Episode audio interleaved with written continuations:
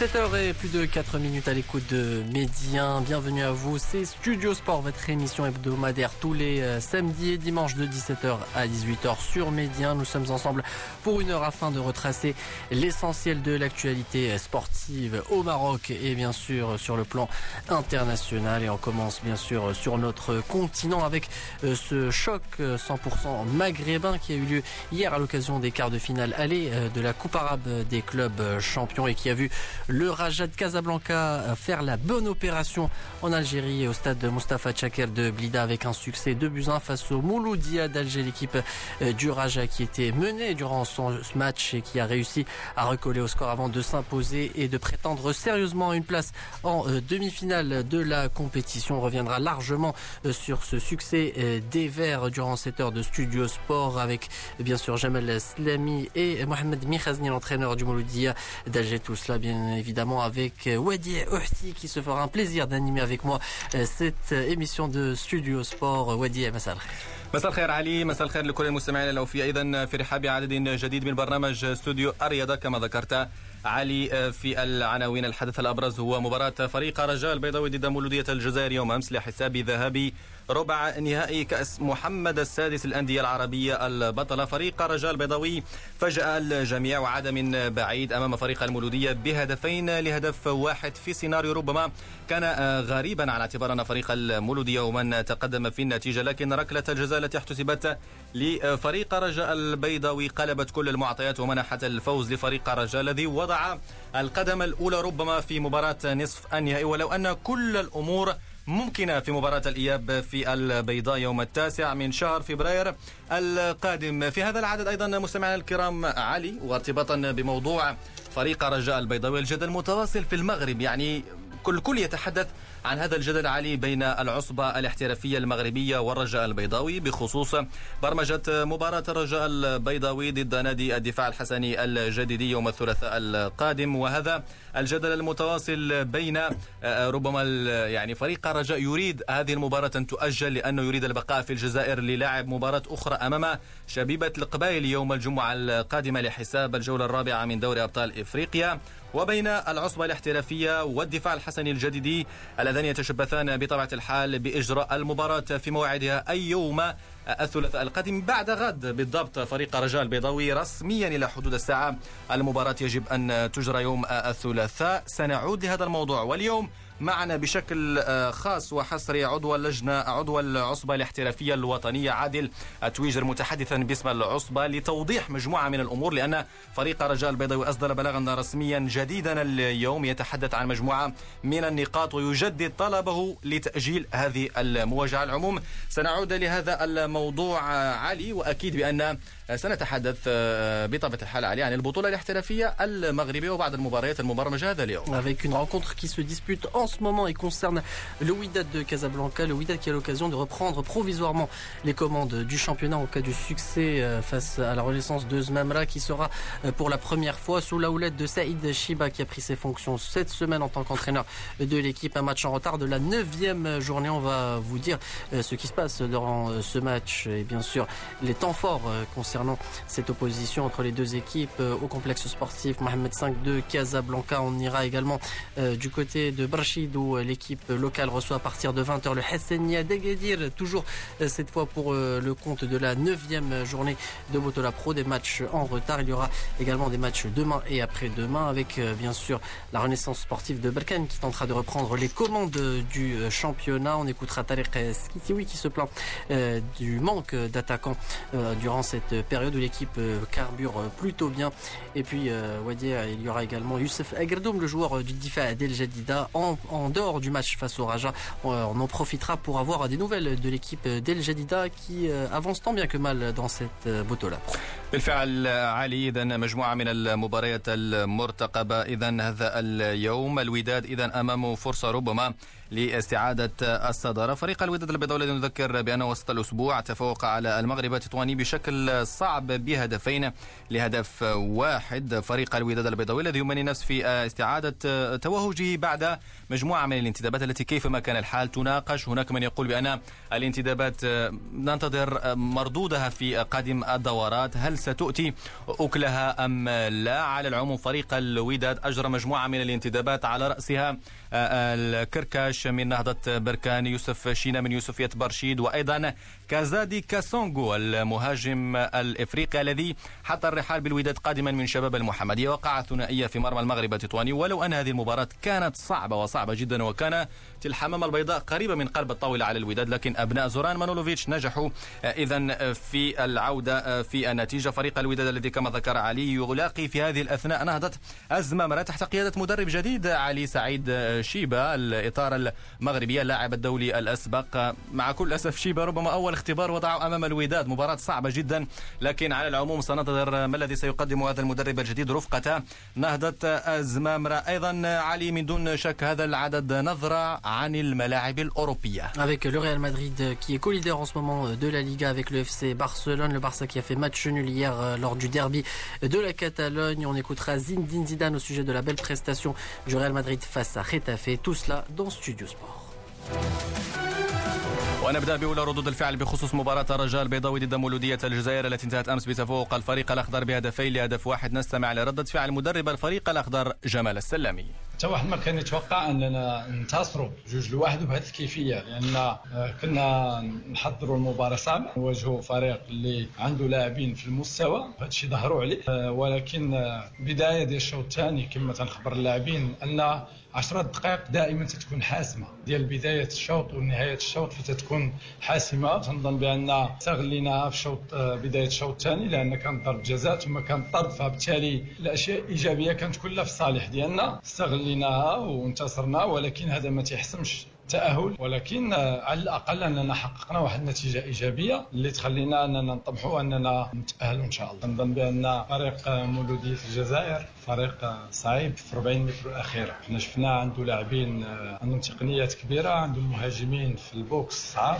وعندهم كذلك مدبكه اللي دائما يكون حاضر في المربع في الأخير. حاولنا نبعدوهم على منطقة الجزاء ديالنا. شفنا كيفاش أنهم ما وصلوش في الشوط الأول إلا من خلال التمريرة اللي جابت ركنيه وتسجل منا الهدف لأن الشوط الثاني رغم انهم ناقصين العدد فمن وصلوا ل 20 متر الأخيرة كان ممكن فريوي يسجل وبالتالي حنا حاولنا نضغطوا عليهم عالي وما نخليهمش يقربوا لعندنا المنطقة ديالنا. جوج لواحد نتيجة إيجابية ولكن ماشي نتيجة نهائية.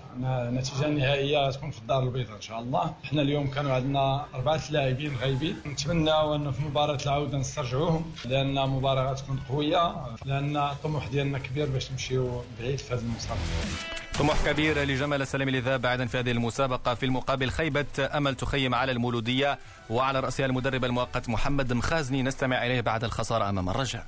في الشوط الأول. تحكمنا في زمام الأمور. كان المستوى متقارب من جميع النواحي ولكن كان بعض من التفوق من فريق المولودية. كانت عندنا الأفضلية في التسجيل. كنا قادرين حتى نسجلوا أهداف أخرى. حقيقة صعيبة باش تلعب في هذا المستوى هذا. ناقص لاعب ضد فريق المستوى تاعو كبير ولاعبين اللي عندهم خبرة كبيرة واللي عندهم ذكاء في اللعب شيء صعيب. يعني حتى من الناحيه الذهنيه يخرج لك جواب آه، بحمراء وتزيد ضربه جزاء ولكن رغم هذاك الشيء يعني ما شفناش فرق كبير ب 10 والمولوديه تحصلت على فرص للتسجيل. ما شفناش فراغات في المساحات. في الأخير حقيقة فريق الرجاء فاز 2-1 ولكن آه، مازال المرحله الثانية رغم صعوبة المهمة هذه كرة قدم. كما فريق الرجاء جا لهنا فاز 2-1 كما مولودية الجزائر تروح دير نتيجة لتما. حتى يعني من خصوصيات فريق الرجاء راهو قوي في خارج ميدانه. إن شاء الله نديروا واش نقدروا إن شاء الله باش نولوا بالتاهل من كازا.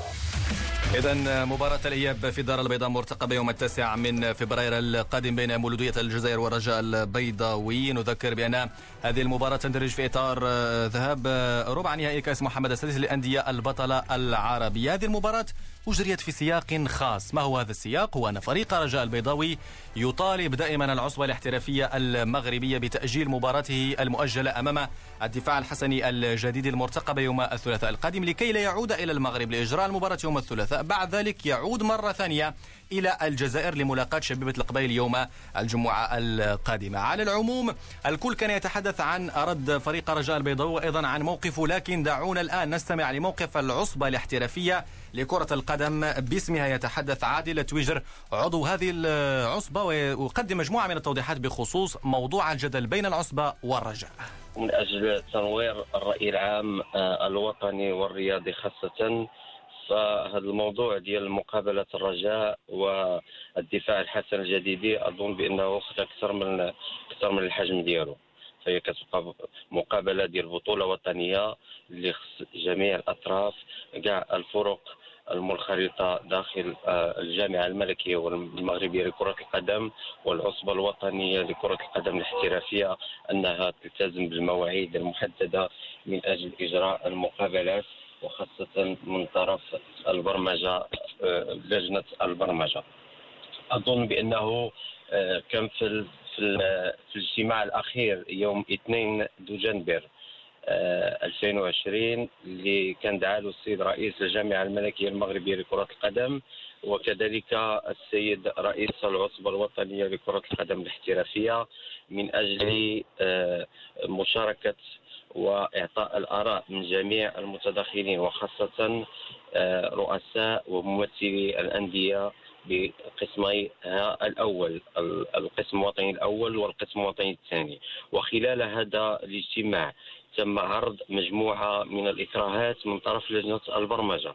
وكذلك تم الخروج بعدد كبير من التوصيات خلال هذا الاجتماع الذي آه، تم فيه طرح جميع الإكراهات التي تواجهها لجنة البرمجة داخل العصبة الاحترافية من أجل أن تكون هنالك عندهم واحد النظرة شمولية حول خاصة فيما يخص مشاركة الأربع أندية في آه، الاتحاد الإفريقي اثنين مسابقة الاتحاد الإفريقي واثنين في مسابقة عصبة الأبطال الإفريقية مشاركة ثلاثة أندية داخل الاتحاد العربي بعدما كانوا أربع أندية وتم إقصاء فريق آه، حسنية أكادير في الدور التمهيدي لمسابقة كأس العرش. كان هنالك رسالة اللي توصلت بها الجامعة الملكية المغربية لكرة القدم من طرف آه، الاتحاد الإفريقي. وهذه الرسالة كتنص على تغيير تواريخ الاتحاد الإفريقي مواعيد نهائيات كأس إفريقيا للأمم للمحليين. وكذلك تم الإكراهات اللي غادي يواجهها المنتخب آه، الوطني للمحليين باستدعاء آه، بعض اللاعبين من الفرق الوطنية. وكذلك آه، بعد غياب واحد الجدول العام اللي هو ثابت ديال الاتحاد العربي حيث تيخلق واحد واحد ما تيكونش واحد التوازنات بين بين الجدوله الجدولة ديال الاتحاد العربي خاصة فيما يخص الأندية اللي كتشارك في في القارة الإفريقية وكذلك في القارة الآسيوية. يعني مشاركة المنتخب المحلي في في التصفيات الأولية للشان خارج خارج تواريخ الفيفا. الإكراهات التنظيمية والأمنية كذلك اللي تم التحدث عنها خاصة داخل المدن وداخل الجهات. آه، الصعوبة ديال التنقل ديال الفرق الوطنية داخل القارة الإفريقية. يعني هذو مجموعة ديال الإكراهات اللي تم السرد ديالها وتم في الأخير رفع مجموعة من من من من التوصيات. كذلك إكراهات ديال النقل التلفازي إكراهات ديال ديال الفرض ان أنه فرض برمجة مقابلة يوم يوم يوم الجمعة ثلاثة المقابلات يوم السبت. يعني أربع مقابلات آه، اللي كيتبرمجوا اللي كيتبرمجوا يوم يوم الأحد من أجل أنه متتبع الكريم كله. يشاهد المقابلات ديال البطولة الوطنية من طرف الشريك ديالنا اللي هو آه، الإذاعة الشركة الوطنيه للاذاعه والتلفازه يعني هذو مجموعة ديال الإكراهات اللي تم اللي تم التكلم عليها. وتعطى بأنه آه، عندنا عندنا عندنا ال calendrier ديال البطولة فيه 15 15 المقابله 15 journées في مرحلة الذهاب. عندنا سبعة ديال journées ديال ديال la Coupe du Trône. عندنا اربعه ديال ديال الفيفا. عندنا 12 journées ديال ال Champions League في مرحلة الذهاب. يعني عندنا 8 ديال les journées ديال الاتحاد العربي اللي كيعطينا 46 جورني اللي خصها اللي خصها تبروغراما في 24 أسبوع. يعني يعني وقفنا على هذه الإكراهات وعطينا للرؤساء الأندية وحنا الحمد لله آه، كلجنه ديال البرمجة داخل العصبة وقفنا لكاع هذه التحديات باش يكون واحد السير عام اللي هو منصف ويعطي تكافؤ الفرص للجميع. بالفعل آه، كان هنالك خلال هذا الاجتماع. تم الاتفاق أنه قبل ثمانية أيام يتم سيتم صدور موعد مقابلتين من البطولة الاحترافية. قبل ثمانية أيام من إجراء أول مقابلة. يعني دورتين كيتوصلوا بها جميع الفرق ثمانية أيام قبل إجراء الدورة الدورة الأولى. وبالفعل كان فريق الرجاء البيضاوي كسائر الأندية توصل بهذا بهذا بهذه الجدولة هذه ديال المباراتين. ومن بعد ذلك صيفطوا لنا رسالة في نفس اليوم اللي تيطلبوا منا تأجيل ديال المقابلة ديالهم مع فريق الدفاع الجديدي يعني هذا الشيء كنتكلموا على على 23 23 دوجنبير حنا اليوم في 5 دوجنبير في 5 يناير. اولا نعم. كنهنيو على فريق فريق الرجاء البيضاوي على على على النتيجة ديالو ديال الأمس. وكنتمناو إن شاء الله انه أنه يمشي يمشي نعم. يمشي بعيد في هذه المنافسة. طيب سعادي غير نكونوا أكثر سمحت لي باش لا باش تكون النقاش أيضا بيني وبينك بخصوص هذا الموضوع. طرحت مجموعة من الإشكالات والاجتماع اللي جمعكم بين ممثلي الأندية والمحضر الذي وقع من طرفهم ولو أن هناك نقاش حول هذا المحضر. هل هذا المحضر. ملزم أو غير ملزم؟ لكن دعنا الآن فيما هو مستجد. لا لا سأعود معك إلى هذه النقطة. لكن دعنا فيما هو مستجد. فريق الرجاء البيضاوي أصدر اليوم بلاغا رسميا بعد مباراة الأمس. يقول فيه بأن نادي الرجاء البيضاوي يراسل من جديد العصبة الاحترافية الوطنية لكرة القدم بخصوص برمجة لقاء ناديي الدفاع الحسن الجديدي والرجاء البيضاوي. وفي ظل عدم تلقي نادي الرجاء لأي جواب عن رسالته المؤرخة في السادس والعشرين من دجنبر من العام 2019 وجه النادي رسالة تذكيرية ثانية للسيد رئيس العصبة الاحترافية للمطالبة بتطبيق مقتضيات المادة الحادية والعشرين من قانون المسابقات وتأجيل لقاء الدفاع الحسني الجديد والرجاء المبرمج بتاريخ السابع من يناير 2020 إلى تاريخ لاحق. والمعلوم أن مقتضيات المادة الحادية والعشرين من قانون المسابقات تلزم العصبة باحترام أجل ثلاثة أيام كاملة ابتداء من تاريخ المقابلة الدولية قبل برمجة لقاء مؤجل برسم المنافسات الوطنية في حالة خوض نادي مغربي لمنافسة دولية خارج أرض الوطن. هذا هو البلاغ الرسمي لفريق رجاء البيضاوي نريد رد رسمي أيضا من العصبة تفضل سي عادل. قبل ما غنرد على على هذا على هذا البلاغ ديال فريق الرجاء البيضاوي لا لابد أنه ندوزو مرحلة ديال ديال أنه تم استدعاء بعد ما توصلنا بالرسالة ديال فريق الرجاء ودائما في إطار سياسة الانفتاح والتشارك داخل العصبة الوطنية. استدعينا فريق الرجاء مشكورين جاو بعض الأعضاء ديالو الممثلين في هذا الاجتماع وتم عرضنا عليهم برنامج العام إلى نهاية الموسم مع الإكراهات مع كل مع كل كبيرة وصغيرة. وكنظن بأنه الناس ديال فريق الرجاء كانوا في المستوى الكبير وتفهموا الوضع وتفهموا الإكراهات ومدوا لنا يد المساعدة وشكرونا على على هذا اللقاء الفريد من النوع ديالو. لأنه جا في واحد الظرفيه لأنه حنا العصبة لا ميسيون ديالها الأولى وهي الدفاع عن مصالح جميع الأندية. وتفهموا الإخوان ودرنا في هذا الباب محضر وتم التوقيع من طرف ممثلي ديال الفريق ومن بعد عاوتاني كنتوصلوا برسالة أخرى. في هذا المحضر هذا مشينا معاهم الأبعاد من هذا الشيء. هذا الشيء خصو يكون داخلي خصو يبقى داخلي ولكن جات الفرصة وحنا غادي نقولوا اليوم فريق الرجاء البيضاوي جلسنا معهم وقلنا لهم الإخوان الله يجازيكم بخير ها الكالوندري ها المقابلات ها لي ميزاجور اللي عندكم؟ إحنا خدينا موعد أنه يوم 12 فبراير غتسالي مرحلة الذهب يعني في يوم 12 فبراير 2020 يكونوا مقابلات ديال مرحلة الذهب كلها انتهت بما يخص بلي ميزاجور ديالها. إلا مشينا حنا تاجلنا موعد ديال إجراء مقابلة ففريق الرجاء البيضاوي هو اللي غادي يكون ضايع. هو اللي غادي يكون عنده غتكون عنده كثرة المقابلات. غادي غادي يلعب أربعة ديال المقابلات في ظرف 10 أيام. ومشينا معاهم أبعد من هذا الشيء قلنا لهم جيبوا لنا الموافقة ديال فريق الدفاع الحسن الجديدي. وحنا ديك الساعة تحملوا المسؤولية ديالكم ونبروغراميو لكم هاد اربعه المقابلات في 10 أيام ولكن تلتزموا بأنكم غتلعبوا. قال لك حنا ما كاين حتى مشكل غادي نلعبوا هذه المقابلة هذه.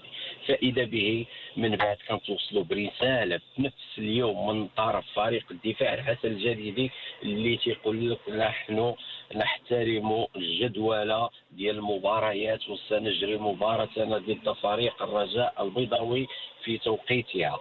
وما بغيناش هذه المقابلة تاجل والرسالة هي عندنا. عند العصبة الوطنية. وكذلك في اتصالات ديالهم إخوان ديال الرجاء مع فريق الدفاع الحسن الجريري الجديدي فهما ما ما ما قبلولهمش باش المقابلات. بالفعل فريق الدفاع الحسن الجديد السي عادل. رفض. شيء كامل. نعم. اليوم اليوم اليوم اليوم. إحنا احتراما المادة ثلاثة دائما دائما المادة ثلاثة اللي كتقول لك يجب احترام جدول الموضوع من طرف الجامعة والعصبة. ولا الأندية التي تشارك في المنافسات الدورية أن تحترم المواعيد المحددة من طرف الجامعة والعصبة كذلك اليوم حنا إذا كنا كنهضروا بالأرتيكل ثلاثة اللي كيعطيك أنه ما بين إجراء مقابلة ومقابلة خص الفريق أنه يخلد للراحة إلى يومين. فريق فريق الرجاء البيضاوي اليوم كيصيفط بالغ وتيقول فيه المادة 21 فللعلم فهذه المادة 21 فهي تتحدث عن المنافسات الإفريقية وخاصه وخاصة بالمنافسات ال interclubs اللي كتعترف بها الاتحاد الإفريقي. هادشي ديال الكاف ما خاصش بينا حنا. كون كانت مقابلة interclubs فاحنا كنا ملزومين انه تكون مقابلة مع مع فريق من الاتحاد بمعنى موضوعيا أن البطوله العربية غير معترف بها من قبلكم؟ يعني ليست بطولة interclubs بالبطوله العربية الآن لفريق الرجاء البيضاوي أنا أنا كان أنا كنهضر لك أنا كنهضر لك على على الأرتيكل 21 وتنهضر لك على التفسير ديالو اللي هو تيتحدث على المنافسات لي كلوب. يعني في المنافسه في المسابقات الإفريقية المعترف بها من طرف الكاف.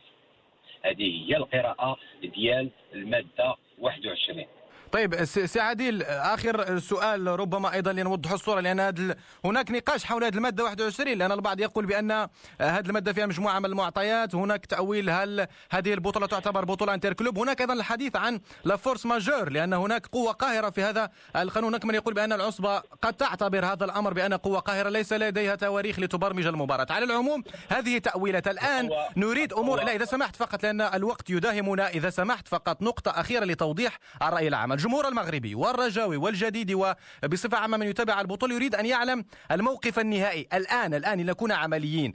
هل تم اتخاذ قرار رسمي ونهائي بخصوص مباراة يوم الثلاثاء؟ لأن لم يتبقى إلى يوم غد والثلاثاء ستجرى المباراة. ما هو الجديد بالنسبة للعصبة؟ هل تم إقرار رسميا هذه المباراة في اليوم الثلاثاء القادم بين الرجاء والدفاع الحسين الجديدي بعجالة. أخي الكريم بعجالة سأجيبك على على سأتمم بدا آه، آه، الجواب ديالي. اللي ما كملتوش ونجاوب على هذا السؤال هذا. اولا المقابلة فهي مبرمجة يوم سبعة. هنالك رفض من طرف فريق الدفاع الحسني الجديدي أنه تاجل المقابلة. ثانيا أظن بأنه فريق الرجاء من حقه أنه يستعمل واحد الورقة. الورقة اللي كيعطيها له الحق ديالو وأنه أنه يطلب يد المساعدة من طرف حقه يطلب حقه ماشي يد المساعدة يطلب حقه من طرف الجامعة الملكية المغربية لكره القدم. يمكن له يمكن له توفر له واحد الطائرة خاصة puisque عارف هو بأنه غادي يلعب يوم أربعة وغيجي يلعب يوم سبعة وغي وعنده مقابلة يوم 10 هادشي عرفوا نهار 23 de janvier يعني في 23 de janvier كان يحط جميع آه، les propositions ديالو جميع les alternatives باش يلقى la solution في إطار أنه ما لقاش واحد التوافق مع فريق الدفاع الحسني الجديدي اليوم الحق يعطي الفريق الرجاء البيضاوي أنه يطلب طائرة خاصة من طرف الجامعة الملكية المغربية لكرة القدم ولأنه كيشارك في واحد المنافسة الإفريقية في حدود 800 ألف درهم. وهذا حق مشروع وكان أنه فريق فريق أن أنه فعود ما يخلد العشرة أيام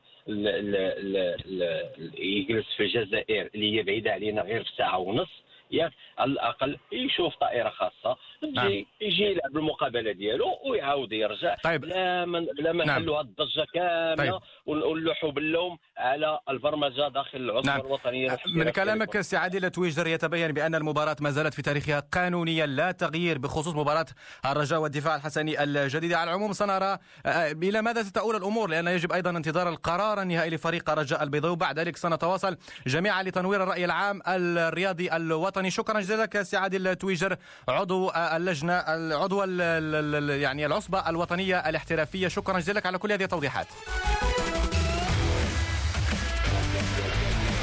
كانت أيضا عادل تويجر عضو العصبة الاحترافية لكرة القدم تحدث أيضا عن رؤية ورواية العصبة الاحترافية بخصوص مباراة الرجاء البيضاوي ضد الدفاع الحسني الجديدي ومطالبة الرجاء المتواصلة بحسب بلاغها الجديد هذا اليوم لتأجيل هذا اللقاء واستقرار الفريق الأخضر هناك في الجزائر.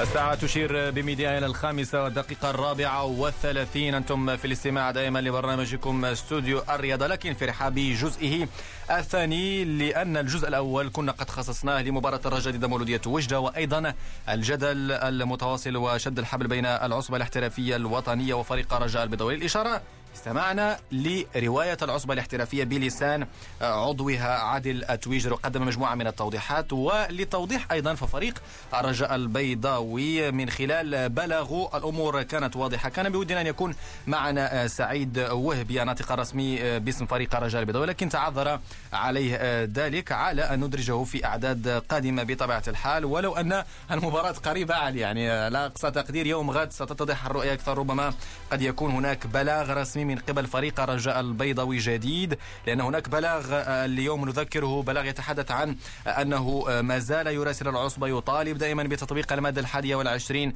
لكن العصبة على لسان عادل تويجر متمسكة بتاريخ يعني يوم الثلاثاء القادم لإجراء المباراة المؤجلة أمام الدفاع الحسني الجديدي على العموم كل مستجدات هذا الموضوع في مواعيدنا الإخبارية القادمة. نواصل الحديث عن كرة القدم المغربية لكن هذه المرة علي مع فريق نهضة بركان الذي يقدم مستويات متميزة سواء قاريا وحتى في البطولة لأنه يتصدر إلى حدود الساعة الترتيب العام. L'équipe de la Renaissance sportive de Berkane est en tête du classement avec 24 points, 2 points d'avance sur le Wydad de Casablanca qui joue en ce moment le WAC qui est tenu en échec sur sa pelouse par la Renaissance de Zmamra 0 à 0 après plus d'une demi-heure de jeu.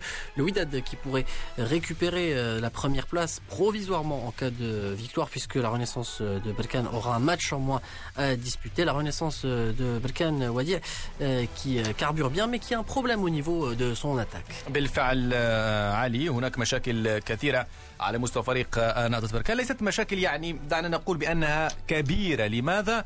لأن فريق نهضة البركانية على العموم يسجل على العموم يحقق النقاط الثلاث لكن المشكلة لدى طارق السكتيوي والسؤال الذي طرح عليه هو لماذا فريق نهضة البركانية يصنع مجموعة من الفرص يصنع مجموعة من المحاولات يصل إلى منطقة الجزاء لكن تغيب الفعالية. لا يوجد مهاجم قناص قادر على ترجمة هذه الفرص إلى أهداف وقد يحتاجونها في مباريات حاسمة. على العموم فريق نهضة البركانية يقدم مباريات متميزة فوزين في كأس الكونفدرالية الإفريقية إلى حدود الساعة والتعادل. سبع نقاط يتصدر مجموعته في كأس الكاف. الآن في البطولة الاحترافية متصدر للترتيب العام. يمتلك أسماء كبيرة حتى آخر مباراة علي محمد عزيز قائد الفريق سجل ثلاثية هايتريك لأول مرة في تاريخ مشاركة محمد عزيز مع النهضة البركاني يسجل هايتريك. وأيضا الهايتريك هو الأول منذ مدة منذ سنوات للنهضة البركانية. وربما حسب معلوماتي منذ تقريبا الثمانينات فريق النهضة البركانية لم يسجل هايتريك في من قبل لاعب واحد بطبيعة الحال في مباراة في البطولة أو حتى مباراة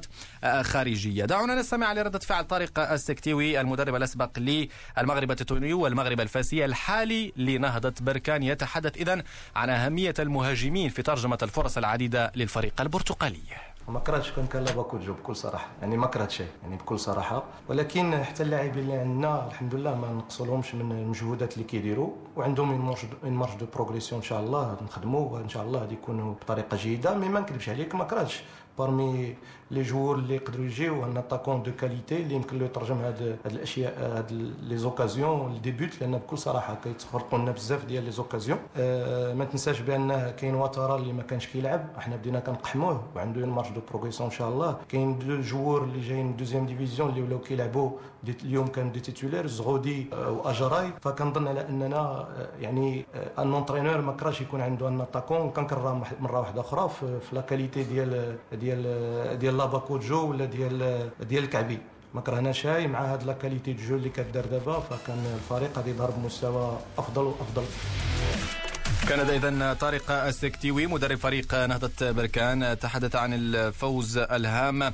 الأخير في البطولة الاحترافية الذي منحه النقاط الثلاث الهامة وبالتالي تصدر الترتيب العام في انتظار نهاية مباراة الوداد البيضاوي ضد نهضة الزمامرة المباراة دائما متواصلة دائما التعادل السلبي من دون أهداف. نواصل إذا مع ردود الفعل لكن هذه المرة مع فريق الدفاع الحسني الجديدي الدفاع الحسني الجديد الذي كما نذكر استغنى عن بادو الزاكي. ليس استغناء بطبيعة الحال من قبله لكن نزولا عند رغبة الإدارة التقنية الوطنية التي ترغب في الاستفادة من خدمات بدو الزاكي في الإدارة التقنية الجديدة تحت قيادة روبرت أوشن.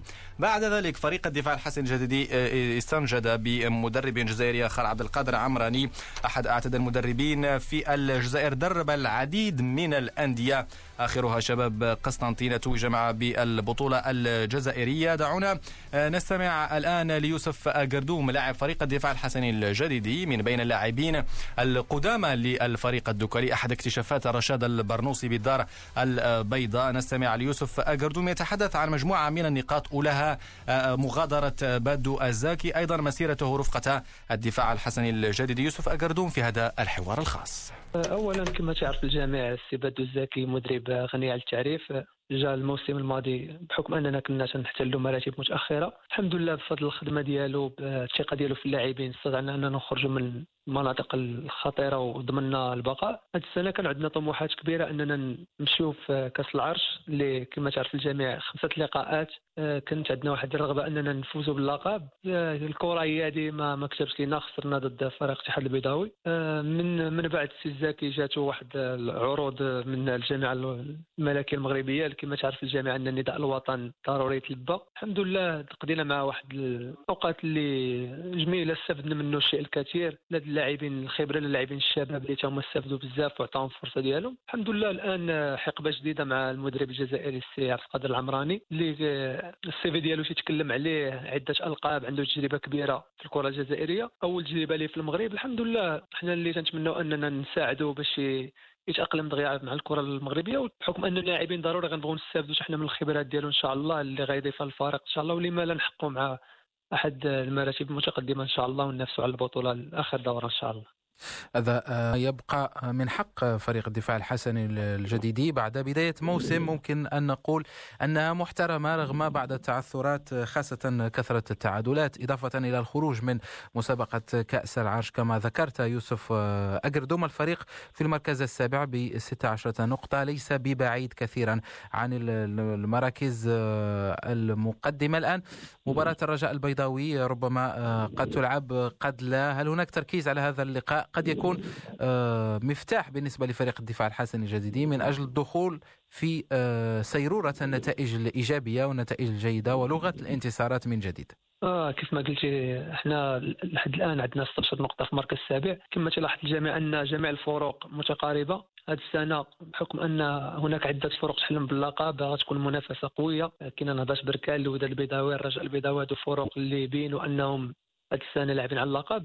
الحمد لله بالتركيبه ديالنا الشابة غنحاولوا أننا ننافسوا إلى ربي كتب لنا مرحبا. ما كتبش أننا نحققوا واحد المراكز متقدمة اللي تتخولنا أن نلعبوا منافسات إفريقية. بالنسبة للتحضيرات حنا لحد الآن تنحضروا أننا لاعبين لقاء الرجاء البيضاوي ما تنفكروش في داك الشيء اللي خارج على التدريب حنا مركزين أننا لاعبين اللقاء. داك الشيء الإداري تيبقى ما بين الإدارات. حنا الأهم ديالنا هو مركزين أن عندنا ماتش يوم الثلاثاء نتمنى إن شاء الله نحققوا في واحد النتيجة إيجابية اللي تعطينا واحد الثقة إن شاء الله باش نكملوا في المسار ديال البطولة. بالنسبة لفريق الدفاع الحسني الجديدي بطبيعة الحال آه، يبقى من الفرق المرشحة للتتويج بلقب البطولة هذا الموسم. وبالنسبة ليوسف اجردوم بعد سنوات قضاها داخل الدفاع الحسني الجديدي آه، كثيرا ما نسمع عن اهتمام بعض الأندية المغربية بيوسف اجردوم من أجل تعزيز آه، صفوفه لكن في الأخير الاستمرارية وعلاقة ممكن أن نقول علاقة الحب بين الدفاع الحسني الجديدي وجمهوره ويوسف أقردوم مستمرة. ما هو سر هذا الاستمرار آه، يوسف أقردوم مع فريق الدفاع الحسني الجديدي؟ وهل ربما الآن أصبحت من الركائز الأساسية في هذا الفريق؟ ومن هذا المنبر ديالكم تنبغي نشكر الجماهير التكالية صراحة اللي من نهار أول نهار حطيت الرجل ديالي في مدينة الجديدة وتلقى غير ترحيب لحد الآن. ما عمرني ما سمعت منهم كلمة العيب. كيف ما قلتي كانوا عروض السنوات الماضية من فرق مغربية ولكن تعرف أن من تيكون عندك عقد ساري مع الفريق ديالك فالإدارة هي تتحكم الاداره الحمد لله تايقين فيا وكانوا باغيين نبقى معاهم لهذا أنني ارتئيت أنني نكمل العقد ديالي و... و... ورغم ذلك رغم العروض زدت جددت مع الفريق الدفاع الحسن الجديد لأنني تنحس براسي في البيت ديالي مرتاح. الحمد لله هذا الشيء عطاني واحد الرغبة أنني نستمر في الدفاع الحسن الجديدي تنتمنى إن شاء الله نردوا الجميل ديال الجماهير إن شاء الله باش نحققوا شي لقب إن شاء الله يهديوا لهم إن شاء الله. كان اذا يوسف اقردوم تحدث لزميل يوسف الشاطر عن مجموعة من النقاط التي تخص مسار ورفقة الدفاع الحسني الجديد وأيضا الفريق الدكولي والتحديات التي تنتظر لأن الدفاع الحسني الجديد على العموم ما زال يمتلك الحظوظ للعب أدوار متقدمة في البطولة الاحترافية ولما لا أيضا تتويج باللقب لأن كل الأمور الآن ممكنة في ظل الترتيب الحالي وبعد المباريات المؤجلة التي من دون شك ستعطي صورة أوضح عن البطولة الاحترافية المغربية هذا الموسم. نذكر فقط مستمعينا الكرام بأن البطولة الاحترافية تجرى في إطارها اليوم مباراتين. فريق الوداد البيضاوي الذي يلاقي نهضة الزمامرة كما ذكرنا في أول اختبار لسعيد شيبة. نهضة الزمامرة متقدمة بهدف دون رد على الوداد البيضاوي في حدود الدقيقة الحادية والأربعين. مساء اليوم يوسفية برشيد الذي يعني انفصل عن المدرب سعيد الصديقي سيلعب ضد حسنية أكادير بهذا إذا مستمعي الكرام نغلق ملف البطولة الاحترافية المغربية ونفتح علي عينا على البطولات الأوروبية.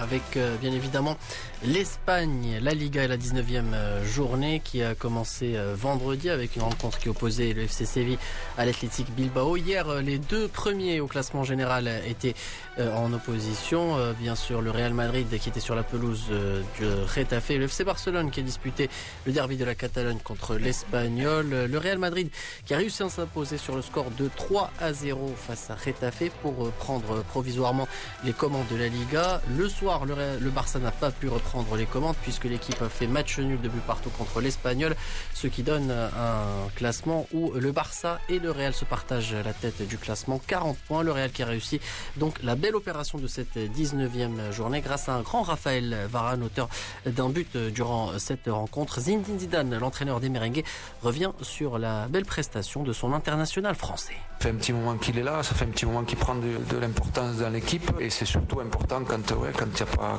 quand a pas Sergio d'avoir euh, aussi un autre leader, fait partie des capitaines. Donc voilà, c'est le chemin normal euh, de ce qu'il est en train de faire. Et ce qui, était bien, c'est qu'il y a eu beaucoup de communication avec, euh, avec Militao, avec la défense. C'est top de le voir comme ça. Et surtout, c'est bien aussi de le voir euh, en position offensive euh, marquée. On rentre dans un processus où tout le monde, est important et chacun apporte quelque chose à, à l'équipe à chaque fois qu'on joue un match. Et ça, c'est très important pour l'entraîneur que je suis.